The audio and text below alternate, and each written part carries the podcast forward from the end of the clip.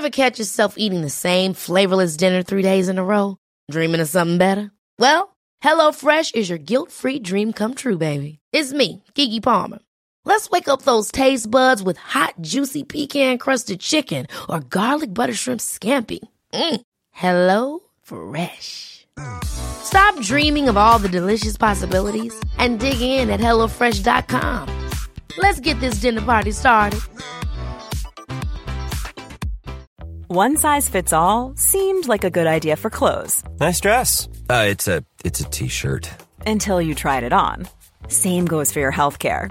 That's why United Healthcare offers a variety of flexible, budget friendly coverage for medical, vision, dental, and more. So, whether you're between jobs, coming off a parent's plan, or even missed open enrollment, you can find the plan that fits you best. Find out more about United Healthcare coverage at uh1.com. That's uh1.com.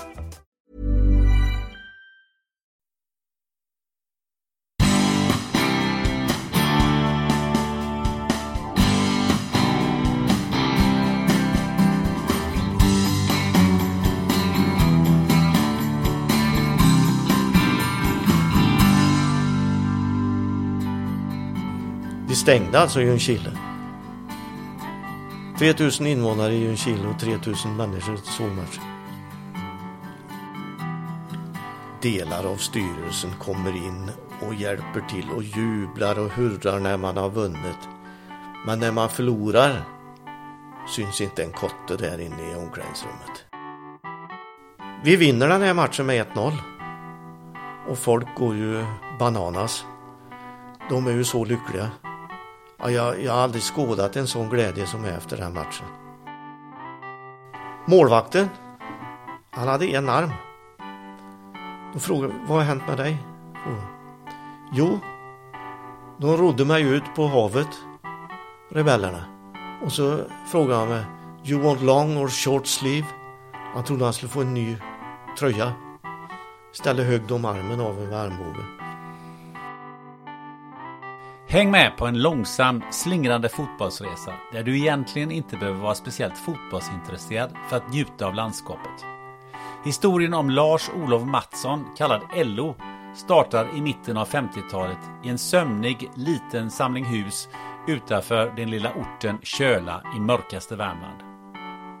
Det är där hans tränarideologi formas som sedan tar honom genom framgångssagor hos små landsortsklubbar likt Degerfors och Ljungskile som han mot alla odds tar till toppen. Det gav LO biljetterna till U21-landslaget och som gjorde att han bara var några hjärtslag från att bli förbundskapten för svenska herrlandslaget i fotboll. Det var också på den resan som kröntes med det osannolika jobbet som förbundskapten för Sierra Leone, ett fattigt krigshärjat västafrikanskt land.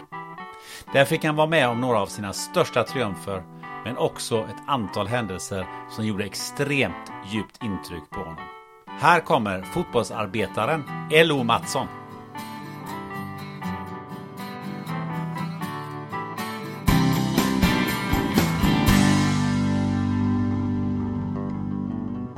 Du har ju eh, titulerat dig själv som fotbollsarbetare.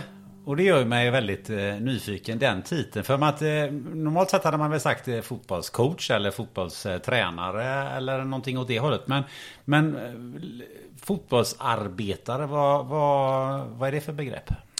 Ja, jag är uppfödd eh, i ett socialdemokratiskt hem. Och, och det var ju arbetare, det var ju det, det största som fanns första maj. Det var väldigt viktigt. Min pappa han var ju aktiv socialdemokrat och politiker och eh, just detta med arbetare det är väl det att jag, jag tycker jag har lite svårt för att se tränare som står i, i någon fin eh, kostym på sidan eller fin eh, kläder. Jag, jag vill känna mig som en del av laget. Jag vill ha, ha in och gräva i myllan där och, och nästan se ut som en fotbollsspelare. Så att det är väl därför som jag eh, har kallat mig för fotbollsarbetare. Det är, jag tycker att det är ett väldigt fint ord faktiskt. Eh, för det är ju väldigt många man ser det idag som har både väst och kostym och, och allt möjligt eh, på sig. Jag kan inte förstå det riktigt för det är ju liksom att man vill utmärka sig att man är något för mer än eh, spelarna och, och, och laget och, och det jag tycker att man är ju en del av laget även om man bestämmer över truppen och spelarna som är ute där. Så tycker jag att det känns lite övermaga och, och, eh, och ha kostym på sig på matcher faktiskt. Du har ju också skrivit en, en bok, Mitt liv som fotbollsarbetare. Eh, varför har du skrivit den boken? När jag berättar min historia att, att det var så många människor jag har träffat och i många länder och många riktigt bra vänner. Och sen var det även sådana här eh, väldigt tråkiga saker som har inträffat. Och då tänkte jag att eh, det kanske är mer som vill läsa den här boken. Eh, om jag skriver. Och, och eh, till slut då tänkte jag att jag får gå igenom hela livet. Och, och, skriva om vad jag har varit med om. Och jag tror att många kommer att vara väldigt nyfikna på det. Och en del kommer säkert att vara väldigt oroliga. Eh, som kanske har gjort mig illa då någon gång. Så att, eh, ja, därför skrev jag boken och jag höll på och skrev ja, från eh, september till december och eh, jag skickar ju då eh, till mina barn lite utkast här och där och undrar vad de tyckte och, så vidare. De tyckte det var, var spännande och jag hade skickat även till mina kompisar och fick läsa en del. Och ja, på den vägen var det. Eh, när man skriver en sån bok så eh, går man ju gärna tillbaka till sina, sina rötter. Eh, hur, hur, skulle du vilja beskriva dina rötter? Det, det är ju en fantastisk barndom som jag har bakom mig. Jag är uppfödd i lilla Köla. Var ligger Köla någonstans? Ja, det ligger... Eh, vi befinner oss nu i Karlstad. Och om man åker 10 mil nordväst upp mot norska gränsen så kommer man till Eda kommun. Det består av Åmotfors, Järnskog, Charlottenberg och, och Körda. Och Körda är ju ett, eh, var en tidigare liten kommun Ja, vad fanns där? Det fanns ju en, en fotbollsplan och skolor naturligtvis och eh, finns ju Valfjället, eh, en skidanläggning. Eh, så att, eh, och, och, det är ja, en och en halv mil in till norska gränsen vid, vid eh, Magnor, Eda Magnor som det heter. Hur, hur, har, hur har en sån väldigt liten ort eh, präglat dig tycker du? Ja, det är, en, det är en bra fråga, men eh, alltså de värderingar som jag fick med mig från det lilla huset vi bodde i. Min mor och far bodde på övervåningen. Och min mormor och morfar bodde nere. Och jag var enda barnbarnet och enda, enda barnet till mor och far. Och eh, jag blev ju ganska bortskämd. Dög inte maten där uppe så gick jag ju bara ner till mormor och, och fick något bättre. Och, eh, men just de miljöerna som fanns utanför då med, vi hade häst, vi hade eh, höns, eh, litet skogsbruk som min morfar höll på med. Och, och vi härsade hö på somrarna och eh, körde in hö. Det var en fantastisk eh, uppväxt. Det var på vintern var det ju skidor. Det var ju det som gällde. Man åkte ju skidor till skolan och jag hade eh, kanske två kilometer till skolan och Säg om det var en 15-20 grader kallt då brukar morfar köra mig med häst och, och släde till skolan. Och det är inte så många som har fått vara med om det. Och det, det är helt fantastiska minnen. Och det är klart, mitt, mitt emot oss 20 meter från mig så bodde Mats, Mats Nilsson, Mats på Mellagården. Han var ju ett år äldre än mig så han var ju lite, ja, lite småchef då över mig. Det låter lite som Bullerbyn. Ja, det var Bullerbyn. Det var ju helt klart Bullerbyn. Vi hade tre, tre och en halv kilometer in till Koppom som var den största tätorten. Men det låg ju i Järnskogs kommun. Och så hade vi 8-9 kilometer in till Adolfsfors. Där då, eh, där jag gick femman och sexan. Och där fanns ju den stora fotbollsplanen och det stora laget Köla AIK. Och, och det är klart, eh, Man, man, min pappa hade ju inte tid att köra mig dit utan jag, jag cyklade ju dit. Och det blir ju två mil cykel varje, inte varje dag men två, tre gånger i veckan. Och så var det... Jag, jag kan inte tänka mig en bättre uppväxt än, än den jag hade. Men dina rötter är också vad jag förstår både Värmland och, och eh, långt upp i Norrland va? Ja, det är min, min pappa då, Henry. Han eh, tillsammans med övriga familjen så blev de tvångsförflyttade. De bodde alltså uppe på utanför Tärnaby.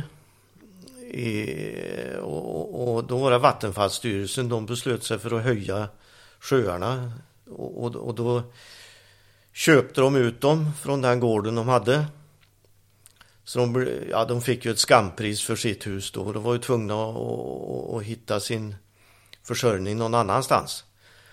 Och det var så att min farmor och farfar då, min farmor är för övrigt halvt same, så att jag är åttondels same. Eh, de tvingades att flytta. Hon hade tio barn. Och min pappa var nummer tre i den eh, syskonskaran. Så de fick flytta då en 100-120 mil söderut till Värmland. Där eh, min farfar fick jobb på Jössefors bruk. Pappersbruk. Och ja, det var tufft. Det var alltså tio barn. Min, min farmor sa ju till mig någon gång det att dina kusiner de klagar sa hon, de har barn, de bor i lägenhet.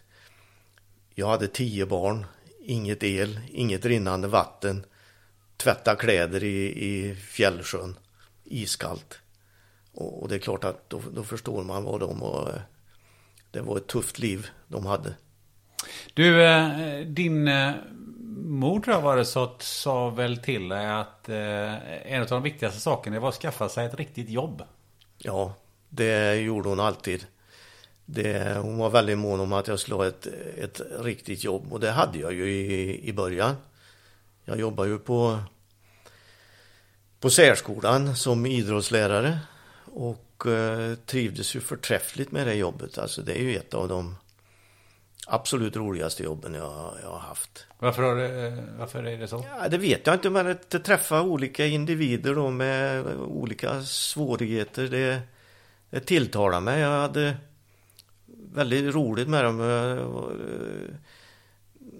Jag har ju lätt för att skoja med folk och, och det tyckte de också om. Och det blev väldigt bra idrottslektioner av, av detta. Och, och just den samvaron med dem både före och efter gympatimmarna. Och jag har även haft, även nu i senare år så har jag kontakt med en del av dem på Facebook och det är fantastiskt roligt tycker jag. Eh, du sa där att, att eh, i högst, var det vid högstadieskolan som eh, den riktigt stora fotbollsplanen fanns. Vid, vad sa du, Köla AIK? Som... Ja, det stämmer. Var, var det där du tog så att säga dina första steg som ja. vägen mot att bli fotbollstränare? Ja, men det var det ju. Det... Hur, såg de ut? Var, varför blev ja. det fotboll? Var det, var, var det det man kunde göra eller var... Jag vet inte, det, det, är lite konstigt det här för att jag var alltid fotbollsintresserad. Jag höll ju på att sparka på en boll jämt och min, varken min mor eller far var speciellt intresserade av uh, detta. Men jag, vi hade ju våran gräsmatta och där hade vi ju två sådana här härstörar som man säger som man hade, som man gjorde mål av då. Så jag, jag höll på att sparka med alla som jag kunde få spela med hela tiden där. Men så var det en gång när jag var tio år, då, då hände det något väldigt speciellt. Och det var det att eh, min pappa hade lovat att ta mig med till Stora Valla i Degerfors. Och vi hade väl kanske ja, 20 mil hemifrån ungefär. Men vi åkte dit och min granne Mats och hans pappa och min mamma och pappa och en släkting till. Och eh, fick gå på Stora Valla och det var ju var ju 8000 människor där. Det, det stället, det, det, det, var ju väldigt stort att komma från Klamhagen i Tömte till Stora Valla. 8000 människor som tittade på en match mot Örebro SK. Och vi stod ganska långt ner och eh, bollen kom av någon händelse ut till mig så att jag fick ta i den och kasta tillbaka till en av spelarna. Och det var Leif Aronsson, en gammal idol då som jag har haft och han hade, han hade ett guldhalsband med ett kors på. Och det hade jag också veckan efteråt. För det var så stort för mig det här att få kasta bollen till honom. Och ja, sen var det ju så att jag då väldigt många år efteråt så fick jag ju till och med träna det laget. Så det var det, det var nog en eh, ögonöppnare för mig och eh, jag blev ännu mer motiverad för det här med fotboll när jag hade varit på den matchen. Hur såg din utveckling ut som, som fotbollsspelare? Ja, jag bör, organiserad fotboll då började jag med i Körda AIK. Och då var jag, det var efter jag hade börjat i femte klass då. Då, då fick vi eh, åka in med skolbuss då en 8-9 kilometer in till Adolfsfors som det hette där. Hammarsvallen och, och körde AIK huserade. Och då var det ju de som spelade i det pojklaget då i Körda, de ville ju att jag också skulle vara med där. Så då började jag och eh, eh fick spela organiserad fotboll för första gången i, i mitt liv. Och det var stort och vi var med i, när vi blev en ja, 14-15 år så, så var vi med i någonting som hette Lilla VM. Och det var tidningen Värmlands Folkblad som anordnade den. Och eh, det var stort för det till och med det stod i tidningen dagen därpå. Eh, Värmlands Folkblad var ju en socialdemokratisk tidning. Så vi var ju nästan de enda i, i byn som hade Värmlands Folkblad. Då kunde man läsa om matchen efteråt och en gång så stod det ju till och med att bästa spelare i Kölen stod och så stod det mitt namn. Och jag blev ju så stolt så det, jag kan ju inte beskriva det. Det var eh, oerhört stort för mig. Och sen så fortsätter det med vi Jag tränade ju mycket och, och, och, tyckte vi blev eh, ganska bra så att vi funderar på hur, hur ska vi göra för att Värmlands fotbollsförbund ska bli intresserade av mig. Då hade jag en kompis som heter Staffan Pluto som för övrigt bor 50 meter från mig här nu i, i mitt i centrala Karlstad. Vi umgås mycket nu. Vi funderar hur, vi gick i samma klass. I, i åttan var det väl, eller nian. Hur ska vi göra nu för att de ska bli intresserade? Jo, vi skriver ett brev till Värmlands fotbollsförbund och, så, och skriver det att eh, Körda AIK har två ytterst lovande spelare i Staffan Plut och Lars-Olof Mattsson. Och ni måste komma och ta en titt på dem. Och så undertecknade vi det, förfalskade vi lagledarens namn och skrev Sten-Åke Adolfsson eh, under. Och det kanske inte var så fint det här, men jag hoppas det är preskriberat nu. Men de kom och tittade, eller i alla fall så blev vi inbjudna då till en, ett läger uppe i Torsby. Där alla de mest lovande spelarna i Värmland då var samlade till och så fick vi till och med då bli uttagna ett Värmlands pojklag födda 1954. Det var 1970. Och då, då vi spelade Svealandscupen då. Många av de spelarna som jag spelar med, det, det blir aldrig någon riktigt bra fotbollsspelare. Men däremot blir de allsvenska både hockeyspelare och, och bandyspelare. Eh, men det var väl början kan man säga på, fotbollsstegen. Men någonstans så, så insåg du kanske att eh, eh, fotbollsspelare eller fotbollsproffs kanske som alla drömmer om, det blir jag inte. Och då är det lika bra att bli tränare, eller hur gick det där till? Ja, det var ju så att jag gick på gymnasiet i Arvika. Och IFK Arvika hade, var då en klubb som låg i näst högsta division tillsammans med IFK Göteborg och Gais och alla de här stora drakarna. Och de värvade helt enkelt, eh, eftersom jag var inackorderad då i Arvika, Arvika ligger ju tre och en halv mil från Körda. Och de värvade mig dit som junior, både mig och Staffan Pluto som juniorer då, så att vi började spela där och fick ju till och med träna med A-laget. Och eh, Eh, kommer inte ihåg riktigt hur det var men eh, i alla fall så vi, vi spelar ju stora matcher tyck, tyckte vi då. Vi spelade junior-DM och vi var till och med nere i IFK Göteborg, eller på Gamla Ullevi och mötte dem.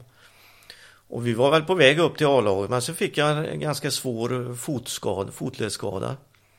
Att jag tänkte jag får ta det lite lugnare så att jag gick till Koppoms IK, ett division 5-lag. Samtidigt som jag låg i lumpen också. Och eh, ja, då, man, man, hade ju så många intressen med damer och fotboll och allt möjligt så det, det var liksom inte seriöst då. Förrän jag flyttade till Borås och började fritidsledarutbildning. För då blev vi värvade till ett lag som heter IF Olsfors och där var en tränare som jag då höll mycket högt. Han var riksinstruktör, han hette Lasse Hedén.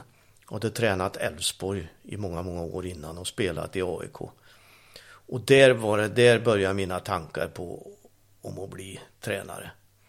Jag skrev upp alla hans träningspass och följde noga med vad, vad han gjorde då. Det var ett division 3-lag då som vi spelade i. Så att eh, det var nog där det började kan man säga. Ja, det var det. Fanns det någon vision där hos dig om att eh, bli tränare och, och, komma långt och högt upp? Eller fan, vad, vad var tankarna då? Ja, då, då hade det börjat. Och så har jag en kompis som bor i Knivsta som heter Peppe Levin. Han var i Gimo. Eh, Sandviks koromant ligger ju där. Han var där i någon försäljaruppdrag. Och fick han höra att det division 2-laget som fanns där, de behövde en tränare. Och han sa, jag har den tränaren, så han bor i Torsby. Så de ringde mig och jag åkte dit och, och träffade dem. Så fick jag det jobbet då. O, rätt så orutinerad för jag hade ju inte tränat något A-lag innan. Och hoppade på ett eh, division 2-lag och vi spelade i den Stockholmsserien. Det var en ganska bra serie med Spårvägen och Väsby och Sandvikens IF och allt möjligt vad de hette. Eh, så jag tog det jobbet, men det var ju inte på heltid naturligtvis, utan eh, jag jobbade på ABF som språklärare för, för det fanns en, en flyktingförläggning i Gimo. Så då jobbade jag med språk och, och invandrare. Så att eh, det var mitt första år då som eh, fotbollstränare. Och sen eh, rullar det ju på. Man, eh, det finns ju ett antal eh, klubbar som, som ju eh, passerar revy på lite, på lite olika sätt. Men jag tycker att man läser boken så, så ehm, eh, finns det ju två eh, klubbar som jag tycker sticker ut lite som vi kan, jag tycker vi kan prata lite extra om. Och det ena, det har du ju redan nämnt, det är ju eh, Degerfors. Kan du beskriva den fotbollskulturen som finns i Degerfors? Den är onekligen ganska speciell. Den är väldigt, väldigt speciell. Det är, det är ju en bruksort. 9000 eh, invånare. Och eh, ligger en, en och en halv mil från Karlskoga. Ligger i Örebro län, men i Värmlands landskap. Och det är väldigt viktigt att veta. Så att Varför är det de, viktigt? Jo, de, de största matcherna som man har i Degerfors det är ju derbyna mot Örebro SK. Och, och, eh, man vill inte vara lillebror till Örebro SK utan eh, man ser sig nog som eh, en storebror där. Så att, eh, ja, en mycket speciell miljö och att man har varit uppe i, i allsvenskan med så begränsade resurser och så litet befolkningsunderlag och har gjort så många år i allsvenskan. och till och med blivit tvåa ett år. Och, och man har haft inne på Stora Valla upp mot 20 000 åskådare i en ort där det bor 9 000. Så det är helt fantastiskt. Det är... När jag kom dit som tränare då, kom dit i december 92. Då hade jag också ganska liten erfarenhet bakom mig. Jag hade tränat Gimo i division 2 och Säffle FF i division 3. Och så hade jag tränat Oddvoll i näst högsta serien i två år. Så jag var relativt orutinerad. Men eh, jag vet inte om de, att jag fick jobbet om de såg mig som någon ny Svennis eller något sånt. Varför Svennis hade ju en, en saga i, han började ju i Degerfors. Innan han kom vidare till IFK Göteborg. men eh, jag tänkte jag hoppar på det här jobbet. Det, det är jätteintressant. Jag hade ju bildat familj då. Och då träffat min fru Lena i, när jag var tränare i Säffle. Säffle som för övrigt var, det kanske jag hade mitt roligaste år som tränare. Det, var fantastiskt. Vi vann division 3 det året och vi hade oerhört trevligt ihop. Då hade jag bildat familj och vi hade fått vår lilla Anton, han var född 1990. Och Jonathan var född i mars 92. Så då kom vi till Degerfors då december 92. Och eh, började träningen. Och, och, för mig var det ju en väldig överraskning. Tord Grip fanns ju där som juniortränare. Och han sa till mig att du måste ju veta, sa han, att det här är lilla Italien. Vi hade alltså fem dagstidningar som bevakade varje träning vi hade. Om någon spottade på gatan på kvällen så stod det i tidningen dagen därpå. Det var, det, intresset var enormt. Och laget hade då inte varit i, vi var nykomlingar i allsvenskan det året. Laget hade inte varit då i högsta divisionen i allsvenskan sedan, ja var det 60-talet, sen man åkte ur. Så det var en 25-30 år innan man kom tillbaka då 1993. Så att eh,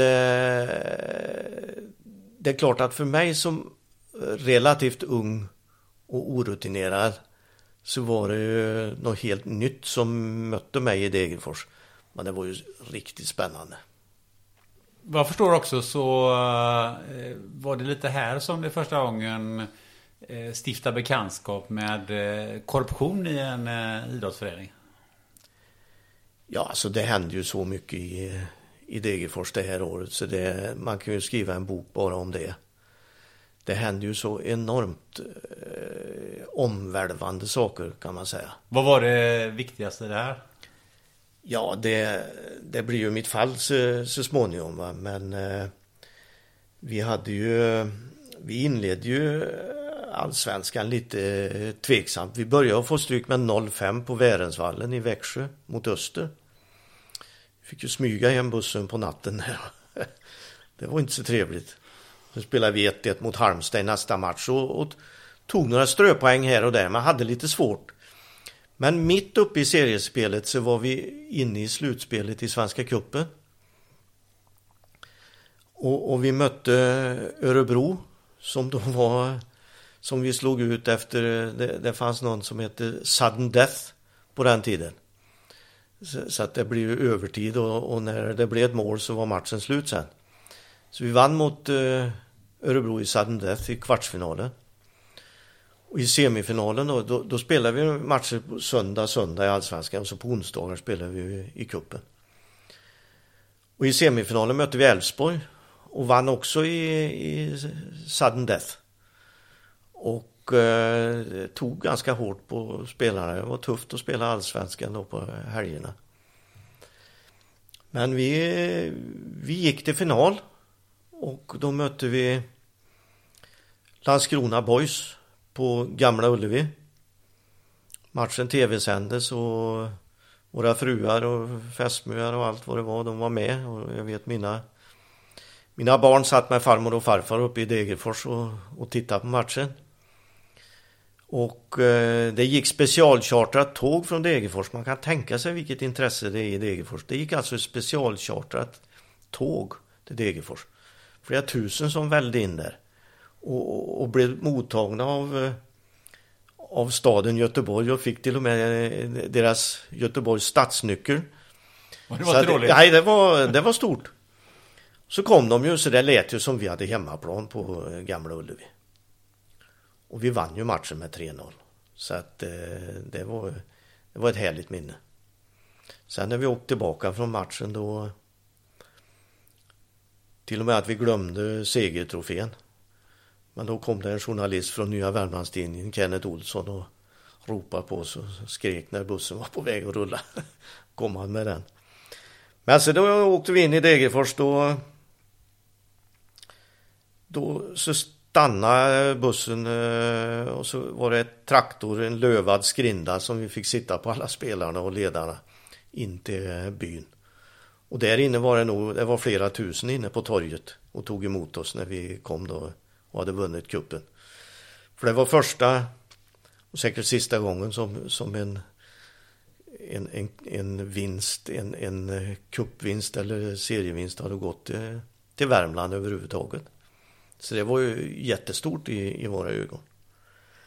Men vi hade fått ett bra lag på, på den tiden för eh, det var det som startade de stora problemen för mig. De, de hade en, eh, en agent från det forna Jugoslavien som hette Rade Mihic. Han är framliden nu tyvärr. Han eh, börjar ju överta mer och mer på kansliet och jag var ju inte så där alldeles överförtjust in och jag vill ju inte ha allt för många jugoslaver. Jag hade en jugoslav som var väldigt bra att, att göra med och som jag kunde prata med som kunde engelska och tyska. Milenko Vukcevic som sedermera har blivit en väldigt fin vän till mig. Men eh, den här eh, jugoslaviska agenten vill ju värva in mer spelare och bättre spelare. Och det fick jag ju acceptera.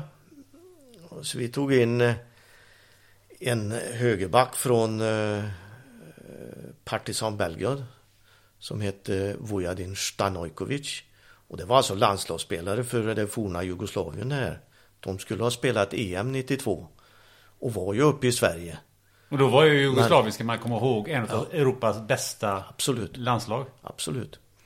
Och, och, de var ju uppe i Sverige, men de fick ju vända tillbaka och istället fick ju Danmark den gratisplatsen och vann ju EM. Det, det var lite märkligt det som blev. Sen fick vi ju ytterligare faktiskt en världsspelare som heter Dusko Radinovic. Han spelade högerback i Röda Stjärnan. Och Röda Stjärnan var, hade året innan, 91, vunnit Europacupen.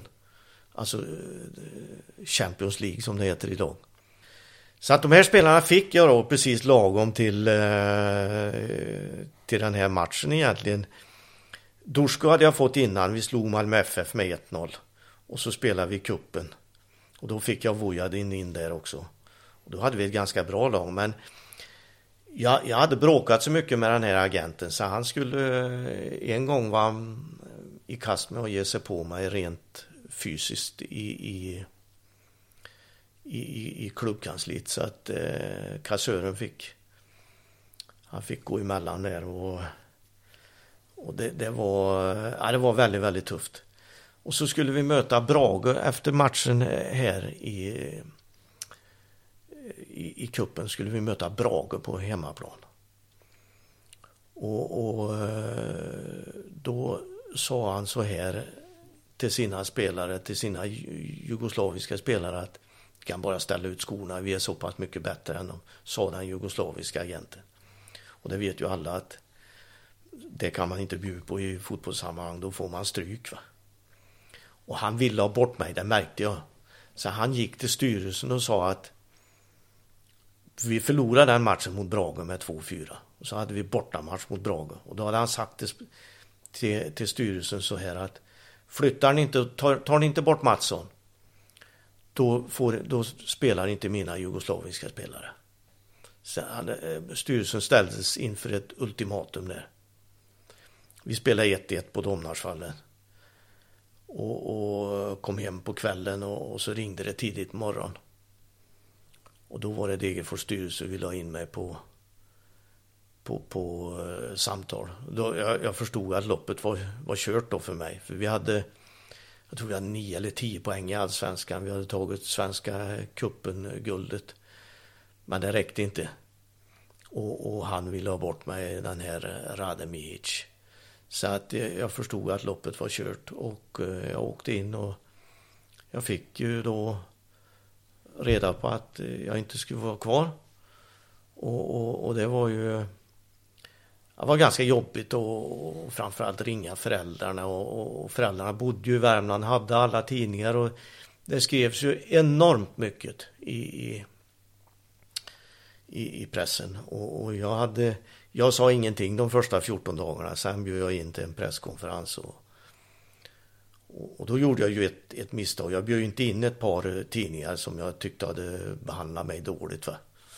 Och, och, och det vet man ju, man ska aldrig ta strid mot, en, mot media för då, då får man stryk. Va? Men jag var ung och het och jag skulle inte göra om samma misstag eh, idag.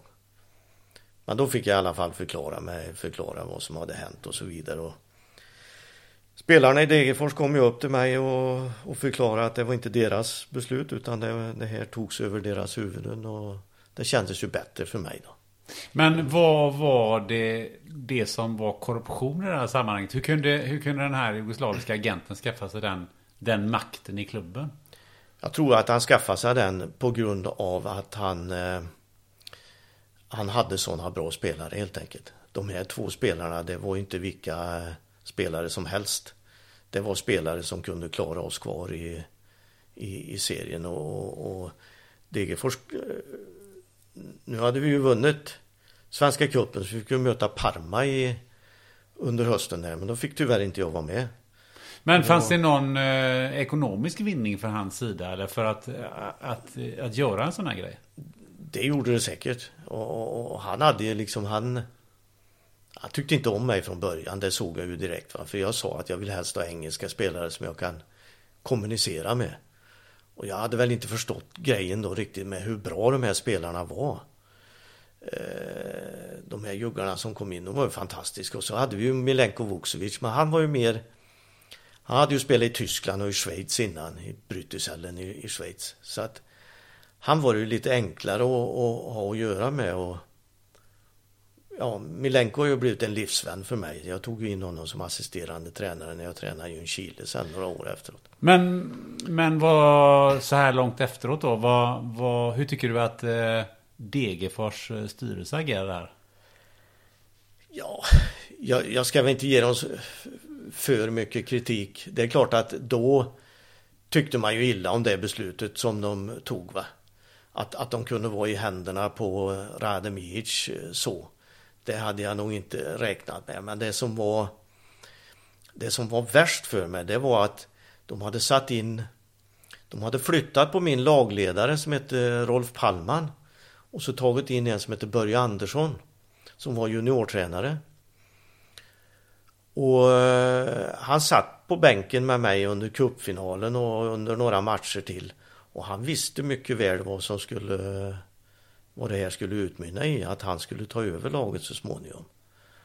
Och det tycker jag var väldigt falskt av eh, honom. Jag tyckte inte alls om... Eh, jag tycker att om man är assisterande tränare till någon och tränaren, huvudtränaren, får sparken, då ska man avgå själv också. Man, man ska inte eh, liksom ha suttit där och väntat på sin chans. För de har precis lika mycket skuld i, vad kan jag säga, om det har gått galet som, som det huvudtränaren har. För man jobbar ju gemensamt med varandra. Så lojalitet för mig det är A och inom fotbollen. Och, och det ser jag allt för många exempel på idag. Att assisterande tränare går upp och tar huvudtränarens jobb när han får sparken. Det tycker jag är dåligt helt enkelt. Men är du inne på ämnet, hur eh, ser du på dagens eh, fotboll? Finns det fortfarande lika mycket korruption eller hur ser den ut idag? Ja, korruption, det är alltså man kan väl prata om vänskapskorruption, det tror jag finns väldigt mycket. Va? Det är mycket, mycket politik i klubbar, mycket interna resonemang och mycket att man man vill visa styrka och pissa in revir och, och så vidare. Va? Jag tror väldigt mycket energi går åt till det istället för att hjälpa och stötta tränarna.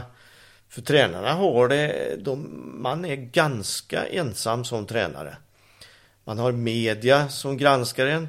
Man har hela tiden 22 spelare som granskar en varje dag. Och av de 11 som får spela, de är ju ganska bra kompis med. Men de andra elva är inte speciellt nöjda med att de får sitta på bänken. Så att det, det är många intressen runt ett fotbollslag som gör att det är svårt att vara tränare. Så att man man ser ju ofta exempel på det i omklädningsrum och så vidare när delar av styrelsen kommer in och hjälper till och jublar och hurrar när man har vunnit. Men när man förlorar syns inte en kotte där inne i omklädningsrummet. Jag har en sån, Det- eh, jag har en sån parallell faktiskt. Jag måste komma att tänka på det. Eh, När jag själv var aktiv så hade vi en tränare och, och så kom ner någon från styrelsen. Och det var när vi närmade oss SM-slutspel. Och då sa han bara så här. Jaha, en del kommer fram när det är tårta. Ja, det är, men det är mycket så. Och det, det känns så där. Jag tycker att eh, jag har ju fått för mig också att i många i många idrottsklubbar saknas det här kanske genuina fotbollskunskapen hos eh, styrelsemedlemmar. Och, och de vet kanske inte riktigt vad det innebär med att- att man är ensam på sin post som tränare. Att man behöver mycket stöd och stöttning. Och speciellt när det går dåligt. När det går bra då kan vem som helst eh, då, det, då är det hur enkelt som helst det här jobbet. Men det här eh, det är mycket att gå på slak lina och mycket balanseringar och intressen till höger och vänster. Så det är ett väldigt tufft jobb skulle jag vilja säga att vara fotbollstränare. Du sa ju tidigare här då att eh, 1988 i Säffle, det var nog det roligaste året. Ja. Ehm, med lite så facit i hand, skulle du kunna tänkt dig gjort något helt annat och sagt att ja, men jag är tränare på den nivån och, och kanske haft, eh, känt att det var lyckligare där?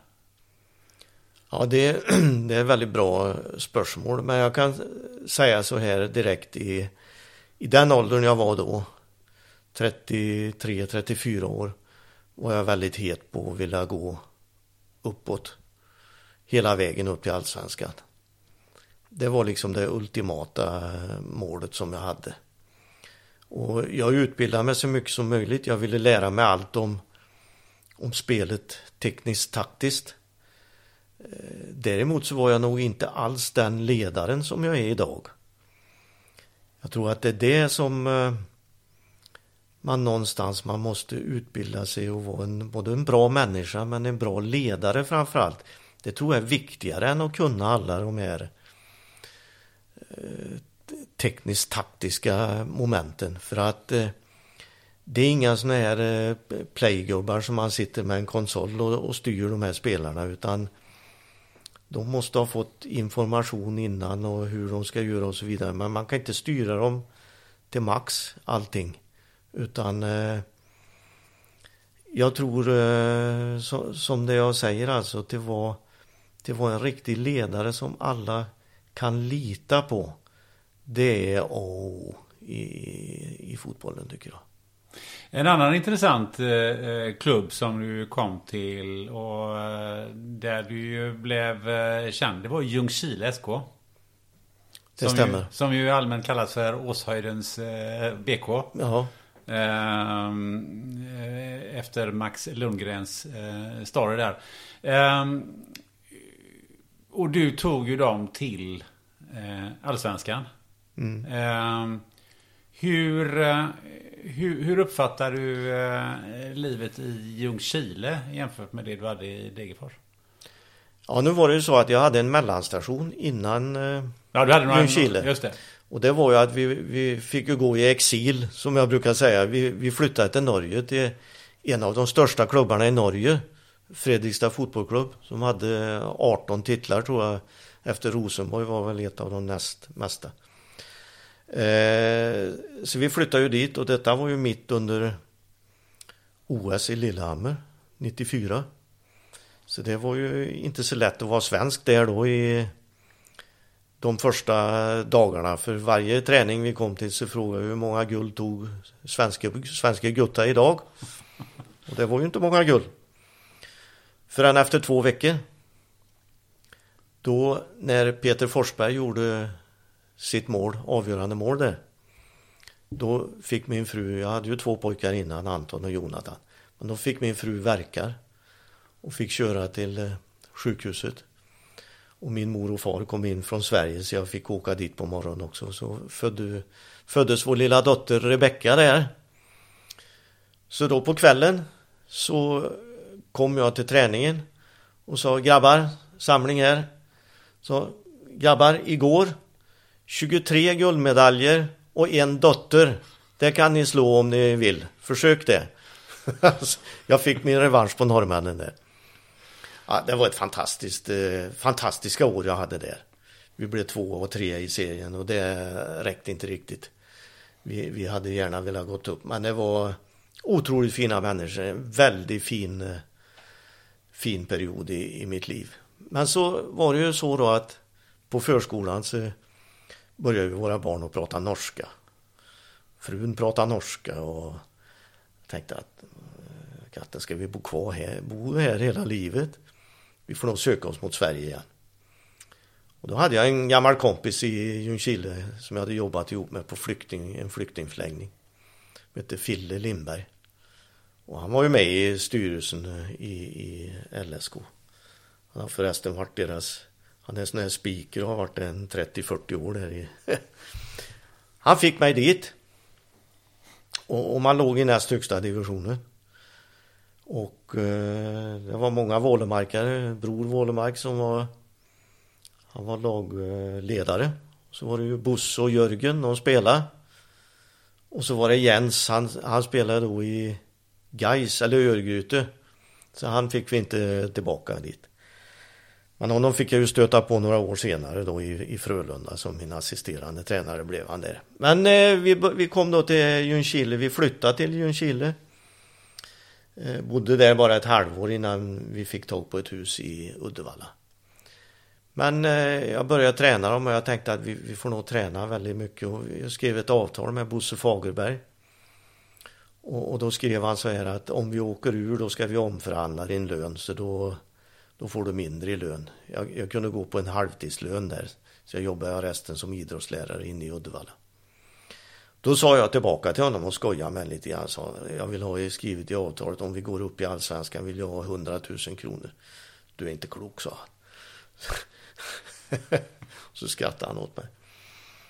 Men eh, ja, det var många som var väldigt sugna på att vilja göra karriär, ja, inte karriär utan vilja jobba hårt för att göra så bra som möjligt. Vi jobbade något otroligt hårt fysiskt. Vi, jag hade ju med mig det från Norge med träning. Träning är gratis. Och eh, vi, vi la alltså in så många träningar så det var de ju inte i närheten av hade gjort innan. Men eh, det visade sig att ge resultat och så spelade vi lite cynisk fotboll. Vi hade två brunkare längst upp. Johan Ragnell och Jörgen Wålemark. Jag tror de gjorde 36 av våra 52 mål i, i, i serien. De var fantastiska. Och vi spelade en enkel fotboll byggd mycket på fysik, fasta situationer. Och det fick jag ju också ett rykte om att vara en, en cynisk eh, långbollstränare. Men det är ju helt fel för att det beror ju alldeles på vilka spelare du har tillgängliga. För sen när jag fick U21-landslaget blev det ju helt andra spelare och Frölunda och så vidare. Men eh, det gick bra det här året. Vi eh, vi tog oss, vi hade ju satt som målsättning nytt kontrakt. Och det uppnådde vi i augusti. Och eh, då visade det sig att så fort det var klart då förlorade vi två matcher i rad. Och då tog eh, min fystränare tag i mig och sa att du måste samla ihop spelarna. Vi måste sätta en ny målsättning. För nu har det nått, nu pustar du ut. Nu är det färdigt för dem. Nu är säsongen över. Jag samlade spelarna. Vi skrev upp en ny målsättning och det var att nå allsvenskan. Och då skrev vi med på stora plakat på väggarna att vad innebär det att nå allsvenskan? Ja, det innebär bättre kontrakt ekonomiskt, ny bilpark, eh, fina arenor att komma till, mer uppmärksamhet, media, allt möjligt. Det satte vi upp där. Så började vi spela igen och då lossade det igen. Då, eh, då, då gjorde vi det bra så att vi spelade en seriefinal mot Elfsborg på jag tror den matchen direkt sändes också på SVT. Och, och vi spelade oavgjort 1-1. Och sen var det ett par matcher kvar. Det var bland annat Gunnils och borta fick vi också 1-1. Vi, vi slutade två i serien och det innebar att vi fick kvala. Och då mötte vi Umeå i första matchen. På dagtid i Ljungskile. På dagtid i slutet på oktober, början på november. 3-4 tusen åskådare inne som, som följde denna matchen. På dagtid under en vardag. De stängde alltså Ljungskile. 3000 invånare i Ljungskile och 3000 människor såg matchen. Och vi förlorade med 0-1. Och, och domare där för övrigt Karl-Erik Nilsson, ordförande i Svenska fotbollsförbundet. Jag pratade med honom mycket om den matchen efteråt. Nej, men då åkte vi upp till, till Umeå. Vi fick ju flyga upp då. Och eh, vi var ju uträknade. Eh, jag var ju optimistisk i media. Jag sa att det är bara halvtid än. Men jag vet inte om jag trodde på det. Ja, vi åkte upp och vi, vi, vi skulle få, vi kom upp på en en lördagkväll. Vi skulle spela på söndag.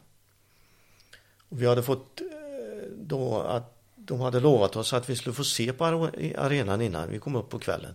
Men det var ingen där och öppnade åt oss. Spelarna, alla, alla 20 spelarna, de klättrade in på arenan och kände på arenan och gick in i mörker där.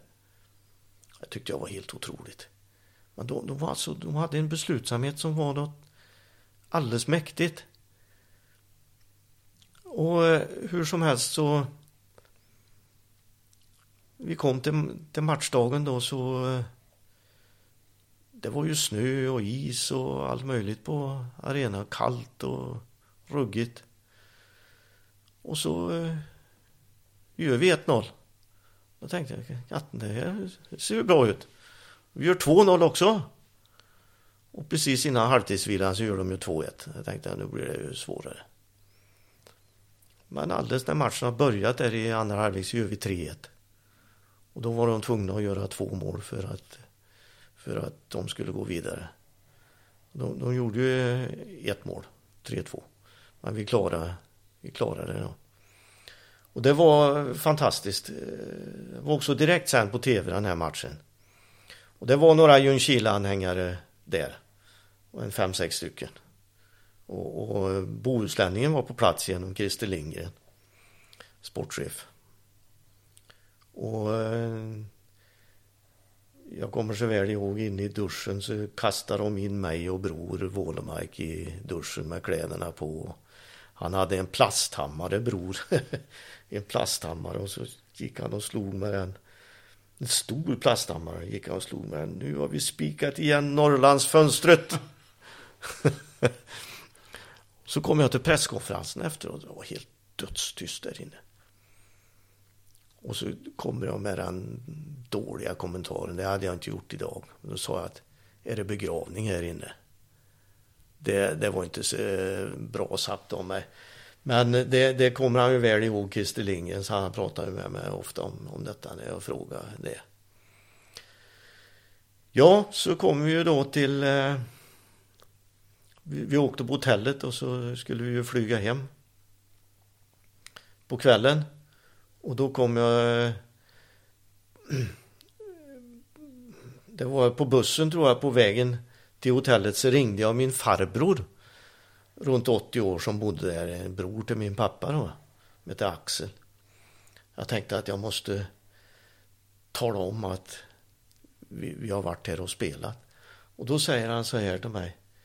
Jaha, sa han. Vad för dig upp till de här trakterna? Jag trodde det var en världshändelse det här. Att vi var där uppe och spelade i allsvensk kval. Men det var, ja, det var innan matchen som jag ringde. Sen när jag ringde, efter matchen ringde jag till min pappa och berättade detta. Det tyckte han ju var jätteroligt. Men jag fick väldigt bra perspektiv där på matchen. Att det var ju, det var ju katten, det är ju vi som håller på med fotboll, vi tycker ju det här är intressant men det är liksom ingen världshändelse i den meningen. Ja, så åkte vi hem och eh, vi flög till Stockholm och då ringde Expressen. Då, då erbjöd de, för vi hade bussen stående i Stockholm. Så vi skulle åka buss till Ljungskile eh, på kvällen eller på natten. Då erbjöd de oss ett, ett extra plan att flyga till Göteborg. Men jag blev inte med på det planet. Eller vi, vi, vi accepterade inte det utan vi tog bussen och åkte hem. Och jag kommer så väl ihåg min gamla klasskamrat Olle Eriksson som var en stjärnreporter på Expressen. Han var med i bussen till Örebro. Tog massor med sådana här ja, fakta och det, det skrevs så mycket i kvällstidningar om det här. Sen när vi kom till Ljungskile över två på natten så började det blinka och var ljus överallt och stod brandbilen där och så förde han oss in i Ljungskile och där stod det kanske 500 människor och, och tog emot oss mitt i natten. Och de tyckte det var, här var helt enormt. Och det var det naturligtvis för det var för det första fanns ju inte alla de här kanalerna som finns på tv och, och allt utan det var ju lite, det var, gick ju på SVT 1 och och fyran fanns väl och trean kanske, men så fanns det ju inte mycket mer. Så, men det, det var stort uppslaget det här. Och ja, det var fantastiskt att, att få komma då hem och få fira detta. Och jag kom hem på natten vid fem. Klockan sex, då vaknade barnen och kom upp till sängen. det blev en timme sönder. Den upplevelsen som du, som du beskriver här nu, hur, hur rankar du den i ditt eh, fotbollsliv? ja, det är svårt att, att ranka olika saker. Det, jag tycker det är jättesvårt. I, i, i mitt fotbollsliv så, så, vill jag nog säga det när vi vann division 3 med Säffle FF. Det tycker jag var så stort för det var vi hade alltså åkt ur, jag hade varit med och åkt ur division 2 året innan och, och jag funderade på överhuvudtaget, är det här något för mig? Och så vann vi division 3 och det var sådana underbara människor. Det var det ju i Ljungskile också men jag tror jag rankar den lite högre faktiskt än, än Ljungskile. Jag tänker på det som vi eh, pratade om alldeles i, i början här, eh, lite din, din bakgrund där du, där du eh, kommer ifrån och, och, och så här att, att eh, finns det någon koppling här till eh, den typen av föreningar som du har tränat och, och eh, eh faktiskt nu också refererar till som, som, som Säffle, men vi pratar Degerfors, vi pratar Ljungskile och så vidare. Det är ju det är små orter som, eh, som man kan säga är också underdogs. Vi har ju några underdog-historier här. Eh, kan du se någon koppling till din, din barndom eller där du började en gång? Ja, det, den ser jag ju väldigt tydligt. För det är ju enkla förhållanden. Det är frivilligarbetare som gör det mesta av jobbet. Och, och det är glädjen när man lyckas ihop. Den, den kopplingen ser du väldigt väl från, från eh, Köla AIK till småställena Säffle FF och till eh, Ljungskile. Det är, det är samma sak. Det är det. Sen blir det lite i de andra klubbarna har varit, det har varit lite större klubbar då. Men eh, just det här med alla volontärer som är ute och, och, hjälper till. Alla människor man träffar som bryr sig så mycket om laget. Och då känner man att när man vinner då vinner man inte för sig själv eller för laget utan man vinner för alla, allas räkning. Och det är den känslan är, den är oslagbar. Eh, jag tänkte på det eh, igår, alltså dagen innan vi spelar in det här. Så klarade sig Malmö FF för tredje gången på sju år eh, vidare till, till Champions League. Ehm, kan du sätta dig in i eh, Malmö FFs eh, bänk och eh, tränarskap? Hur gärna hade du velat vara där? Nej, det vet jag inte om jag... Ja, någon gång i livet hade jag säkert velat vara i, i det läget. Det, det tror jag. Men just nu så, så har jag så mycket annat som jag, jag känner liksom inte att det är prioritet. Men det är ju en fantastisk sak som Malmö FF har gjort. Och, och det kommer ju eh, svensk fotboll till gagn. Mycket solidaritetsersättningar som delas ut i olika klubbar. Men det är ju de här största, högsta klubbarna som får ta del av det. Men hade det varit någonting för dig med tanke på det vi sa alldeles nyss där med de små klubbarna som underdogs som tar sig upp och de här många volontärerna. Hur, hur ser du på det i relation till den typen av framgång? Ja, men jag, jag, jag, tror nog att alltså, de, de som är tränare, de tror jag nog känner samma saker. Jag tror att Jon Dahl Tomasen känner ungefär samma som jag gjorde när jag vann med Säffle eller när jag vann med, med Degerfors eller Ljungskile. Att man känner glädjen av att ha lyckats för, för laget här. Men sen är det ju stora industrier det här eh, handlar om. Det är ju enorma pengar som, som man bara kan drömma om.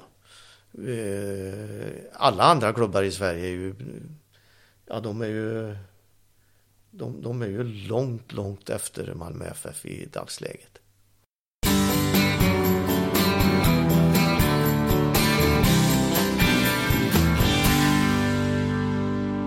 Den här podden sponsras av Life Genomics, ett akkrediterat laboratorium i Göteborg som bland annat erbjuder covid-tester.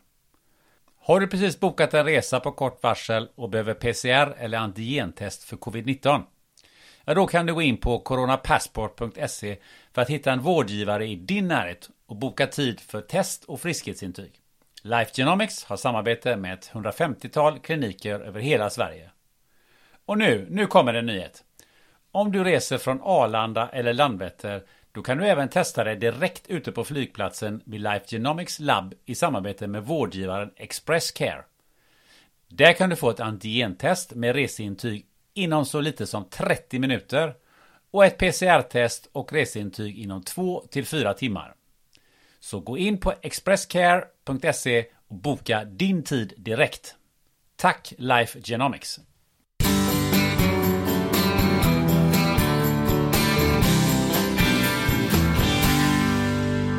Eh, en sak jag funderar på också, det är ju... Ehm, du bytte ju eh, klubb ett antal gånger, precis som många tränare gör. Hur, hur fungerar den där marknaden egentligen?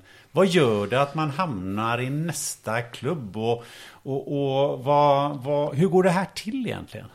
Ja, det, det är ju intressant. Eh, om man ser då på England här, vi kan ta det som exempel, Premier League. Där är det ju så att de flesta tränare har fått sparken en tre, fyra, fem eh, gånger. Och så när de får sparken vet de att de får ett nytt jobb någon annanstans och då, då har de ofta hela personalen eller hela staffen, personalstyrkan med sig. Så att de anställer inte bara tränaren utan en, en hel apparat då som finns runt omkring. Ja, när jag fick sparken i Degerfors så tyckte jag det var skämmigt jag, min mor och far led ju nog oerhört av det. Och, alltså få sparken, det, det var... Idag får ju alla tränare sparken. Man brukar ju säga i England att har man inte fått sparken minst två gånger, då är man ingen tränare. Efter tredje, fjärde, då börjar man att bli en riktig tränare. Och det är klart, man kan ju fundera då på, som i England, vad man gjorde där. Ja, de slutade väl för en tio år sedan ungefär att gå runt på de här inhemska tränarna som gick runt, runt mellan lagen. Som började importera tränare från Portugal, Italien, Tyskland. Och det har de gjort med framgång.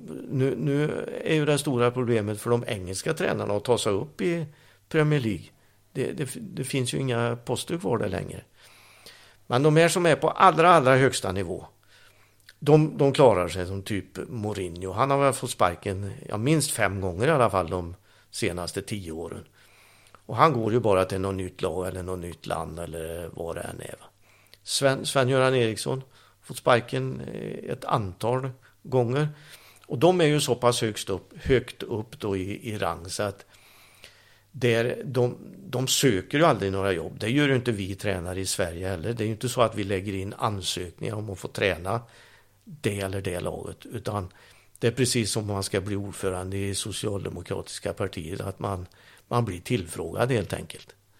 Så det, det skulle ju vara skämmigt om man skickar in en ansökan på och, och, och få, få ett jobb. Utan det, det, är ju så i Sverige också att det är, det är, många tränare som går runt där. Och det har väl kommit in några utländska importer här också. Men de har ju oftast förtvivlat svårt att lära sig språket här i Sverige. Så att ofta är det ju ja, kanske greker eller portugiser och då, då blir ju all, all eh, information blir ju på engelska då till dem. Men eh, det fungerar ju på samma sätt som i övriga fotbollsvärlden även i, här i, i Sverige. Men vi kan ju inte ta in de högprofilerade namnen utan det är väl mer att här går man runt, runt också på tränare och idag är det väl det är ju en, en ganska ung kader av tränare idag.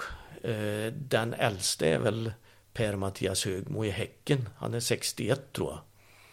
Det är en gammal kompis till mig som, har, eh, som då var i norska fotbollsförbundet nu sen som utbildare. Han har också varit tränare i, i, i Fredrikstad. Men han, eh, han kom ju dit och han, han, är ju den absolut äldste. Men sen är ju de flesta tränare mellan 35 och upp till 50 år. Så det är ju lite... Men det verkar ju vara en väldigt osäker tillvaro. Men du var ju till och med, fick ju till och med stämpla eh, vid något tillfälle ja. mellan eh, de här eh, tränarjobben du hade. Det har ju också Jörgen Lennartsson har också varit ute för det här.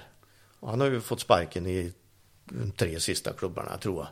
Och när han gick och stämplade då tyckte han det var precis lika skämmigt som jag. Så att han gjorde det inte i Kärra i Göteborg där han bor utan han åkte upp till Kungälv så inte så många skulle känna igen henne. Och jag kommer också ihåg hur jag smet in i, på Arbetsförmedlingen i, i Uddevalla. Jag tyckte det var fruktansvärt skämmigt. Men har man inga eh, avgångsvederlag? Det har man ju. Jag, eh, jag hade efter jag fick sparken i Degerfors så hade jag ett avgångsvederlag på en miljon i, i, om, och det, det fick ju ta på ett extra representantskapsmöte i, i, i Norge om de skulle acceptera det och det gjorde de ju. Och det var väl tur för mig, eller otur, jag vet inte hur man ska se det. För att annars har jag nog åkt från eh, Fredrikstad också, eftersom vi blev bara två och tre i, i serien. Men annars är det ju så att man skriver ju kontrakten och då, man ska ju betala, eh, betala tränaren kontraktstidens längd ut. Så, så, att eh, ett exempel som Jörgen då, han har väl fått sparken i förtid kanske ett eller ett och ett halvt år. Så då, då har han ju betalt under den tiden då och kan göra andra saker. Men annars är det ju inte mycket till anställningstrygghet. Det, det är det inte. Vi är ju med i Unionens arbetslöshetskassa som eh, det, det rekommenderar man idrottsledare att vara med i. Och eh, ja, det är bara att, att, att, sitta och vänta på att telefon ska ringa. Man kan hoppas på att man får något och gärna i närheten då, men ofta blir det att man får på pendlingsavstånd. Och det är ju inte hälsosamt för varken familj eller relationer eller, eller vad det än är. Så att det, jag var ute för detta, jag jobbade i Stockholm med U21. Eh, men bodde ju ändå i Uddevalla, jag tränade Moss, tränade Tönsberg också.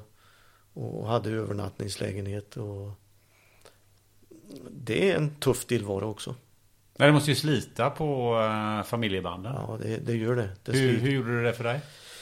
Ja, det, det slet på väldigt mycket. Jag vet ju min eh, dåvarande då, fru, hon fick ju slita väldigt mycket med barnen. Framförallt när ja, de var i, säg 6, 8, 10 års åldern och, och skulle köras fram och tillbaka till olika idrotts hon hade ju fulltidsjobb och så körde barnen på kvällarna och liksom inte hade någon hjälp av mig. Så att eh, det känns ju sådär att man har försakat det. För min fru fick ju verkligen ligga i under den tiden. Var det värt det? Så här efteråt? Ja, det, det är svårt att säga. Det, det, detta är ju väldigt bra frågor. Jag, min fru tog ut skilsmässa för, från mig tre år sedan. Och eh, det var ju en chock för mig då efter 30 års äktenskap nästan. Eh, hon kände så här nu att hon hade följt med, med mig lojalt i alla de år. Och hon ville leva sitt eh, eget liv. Tyckte väl mest att jag var trött efter träningar och så. Kanske inte ville göra så många saker som hon ville. Och det är klart att för mig blev det, var det en oerhörd chock. Jag fick... Eh, jag hade ju inte handlat på 30 år. Jag hade ju inte varit inne i en affär. Menar du det? Ja, möjligtvis när hon var gravid och födde. Då kanske jag var inne och handlade något. Jag hade aldrig lagat mat, inte på 30 år. Så det blev en eh, enorm omställning. Men jag har fått utvecklas på äldre dagar. Det är ju inte så dåligt det heller. ja. Så är det. Nej, men det är ju frågan om det var värt det eller inte. Det är, det är en svår fråga som jag nog inte kan svara på idag. Har du funderat på den? Ja, det har jag gjort. Det är klart att när man eh, när man fick eh, när man stod inför faktum så visst har jag funderat på sådana saker. Det är ju stora saker och det jag hade ju ytterligare en sak som var väldigt, väldigt svår för mig. Och det var när min far gick bort 97. Och eh, då tränade jag ju en Chile i Allsvenskan. Och sen blev min mor eh, väldigt sjuk efter det. Och så fick jag då eh, anbudet att, att träna Sverige U21. Och det var inte bara det med U21-jobbet utan jag fick ju även i tillägg till det att jag skulle vara riksinstruktör och talangutvecklare för Bohuslän, Dalsland, Göteborg. Så jag var ju aldrig aldrig ledig, kan du säga. Och då var ju barnen, ja, gamla var de? Fyra, sex och åtta år. Och eh, när jag var ute någonstans och gjorde ett jobb ute i Europa kände jag att jag borde ha varit hemma. Och när jag var hemma kände jag att jag borde vara iväg på något, på något jobb. Jag var så sliten på den tiden så att jag eh, såg aldrig fram emot någonting. Jag, eh, aldrig en resa eller någonting. Jag, jag, jag gladdes inte åt någonting trots att jag hade mina, min underbara familj då. Och, och det var nog som ett brev på posten här som jag fick eh, hjärtinfarkt då, 99 på våren. Och det var ju mitt inne i Ja, jag hade varit på träningsläger i La Manga och familjen hade kommit ner till La Manga och vi flög hem och så och så blev jag väldigt, väldigt sjuk. På planet? Nej, faktiskt på eh, hemma dagen efteråt. Jag var på biblioteket med barnen och eh, började få väldigt ont i armen. Det var som en järnklo slog sig runt i armen och i bröstet och spydde och så frugan körde mig ner till sjukhuset och, och där eh, där eh, la de in mig på en brits och sa att du har ju varit utomlands här i några veckor så du har väl fått ja, sån här kräksjuka eller något därifrån. Och jag hade så ont när jag låg där inne så efter två timmar så kröp jag ut i, i korridoren. Och då upptäckte de att det var hjärtinfarkt då. Och det var en massiv hjärtinfarkt så att det var inte lätt att, att hantera. Eh, hade de gjort det direkt och gått in som de gör idag så hade de ju Väldigt mycket av hjärtat blir ju förstört när man, eh, många av cellerna dör ju men nu har jag tränat upp mig så pass mycket så mycket av kapillärerna har kommit tillbaka då i hjärtat så att jag har mitt hjärta ska fungera som ett normal hjärta då idag. Och så har jag fått en, en stent inopererad där i en krök i ett kärl där det hade täppt igen. Och det är väl det trodde de kunde vara medfött men det kunde även vara genetiskt. Det var lite svårt att säga vilket det var där. Men att det fick jag betala ett väldigt högt pris för det för att grejen med det var att många i min närhet tyckte att du kan inte ta det jobbet med U21 när du har din mamma när hon är sjuk och hon är ensam. Och då tänkte jag så här att men jag hade ju inga andra anbud på bordet. Det låg inget, inga andra anbud med något tränarjobb på hemikring. Utan det var bara det som låg på bordet. Och jag var ju tvungen att ha ett jobb för att försörja familjen. Men det var svåra tider för jag kunde inte vara uppe där tillräckligt mycket som jag egentligen behövde då. Och det, ja, det körde ihop sig väldigt mycket. Och det, det kan man ju fundera då över Svenska fotbollsförbundet hur de kunde ge mig fyra stycken olika jobb istället för de som är förbundskaptener nu, de har det ju på heltid och bara det jobbet. Jag hade detta plus tre ytterligare jobb till det. Va? Och eh, det blev inte bra. Det, det gjorde det inte. Var du eh, för dålig på att säga nej? Ja, det var jag väl. Men eh, samtidigt så var jag, jag var ju den åldern då så att man har ju ambitioner. Man vill ju framåt. Jag vill ju också... Jag visste ju vad Tommy Söderberg som var innan mig i U21.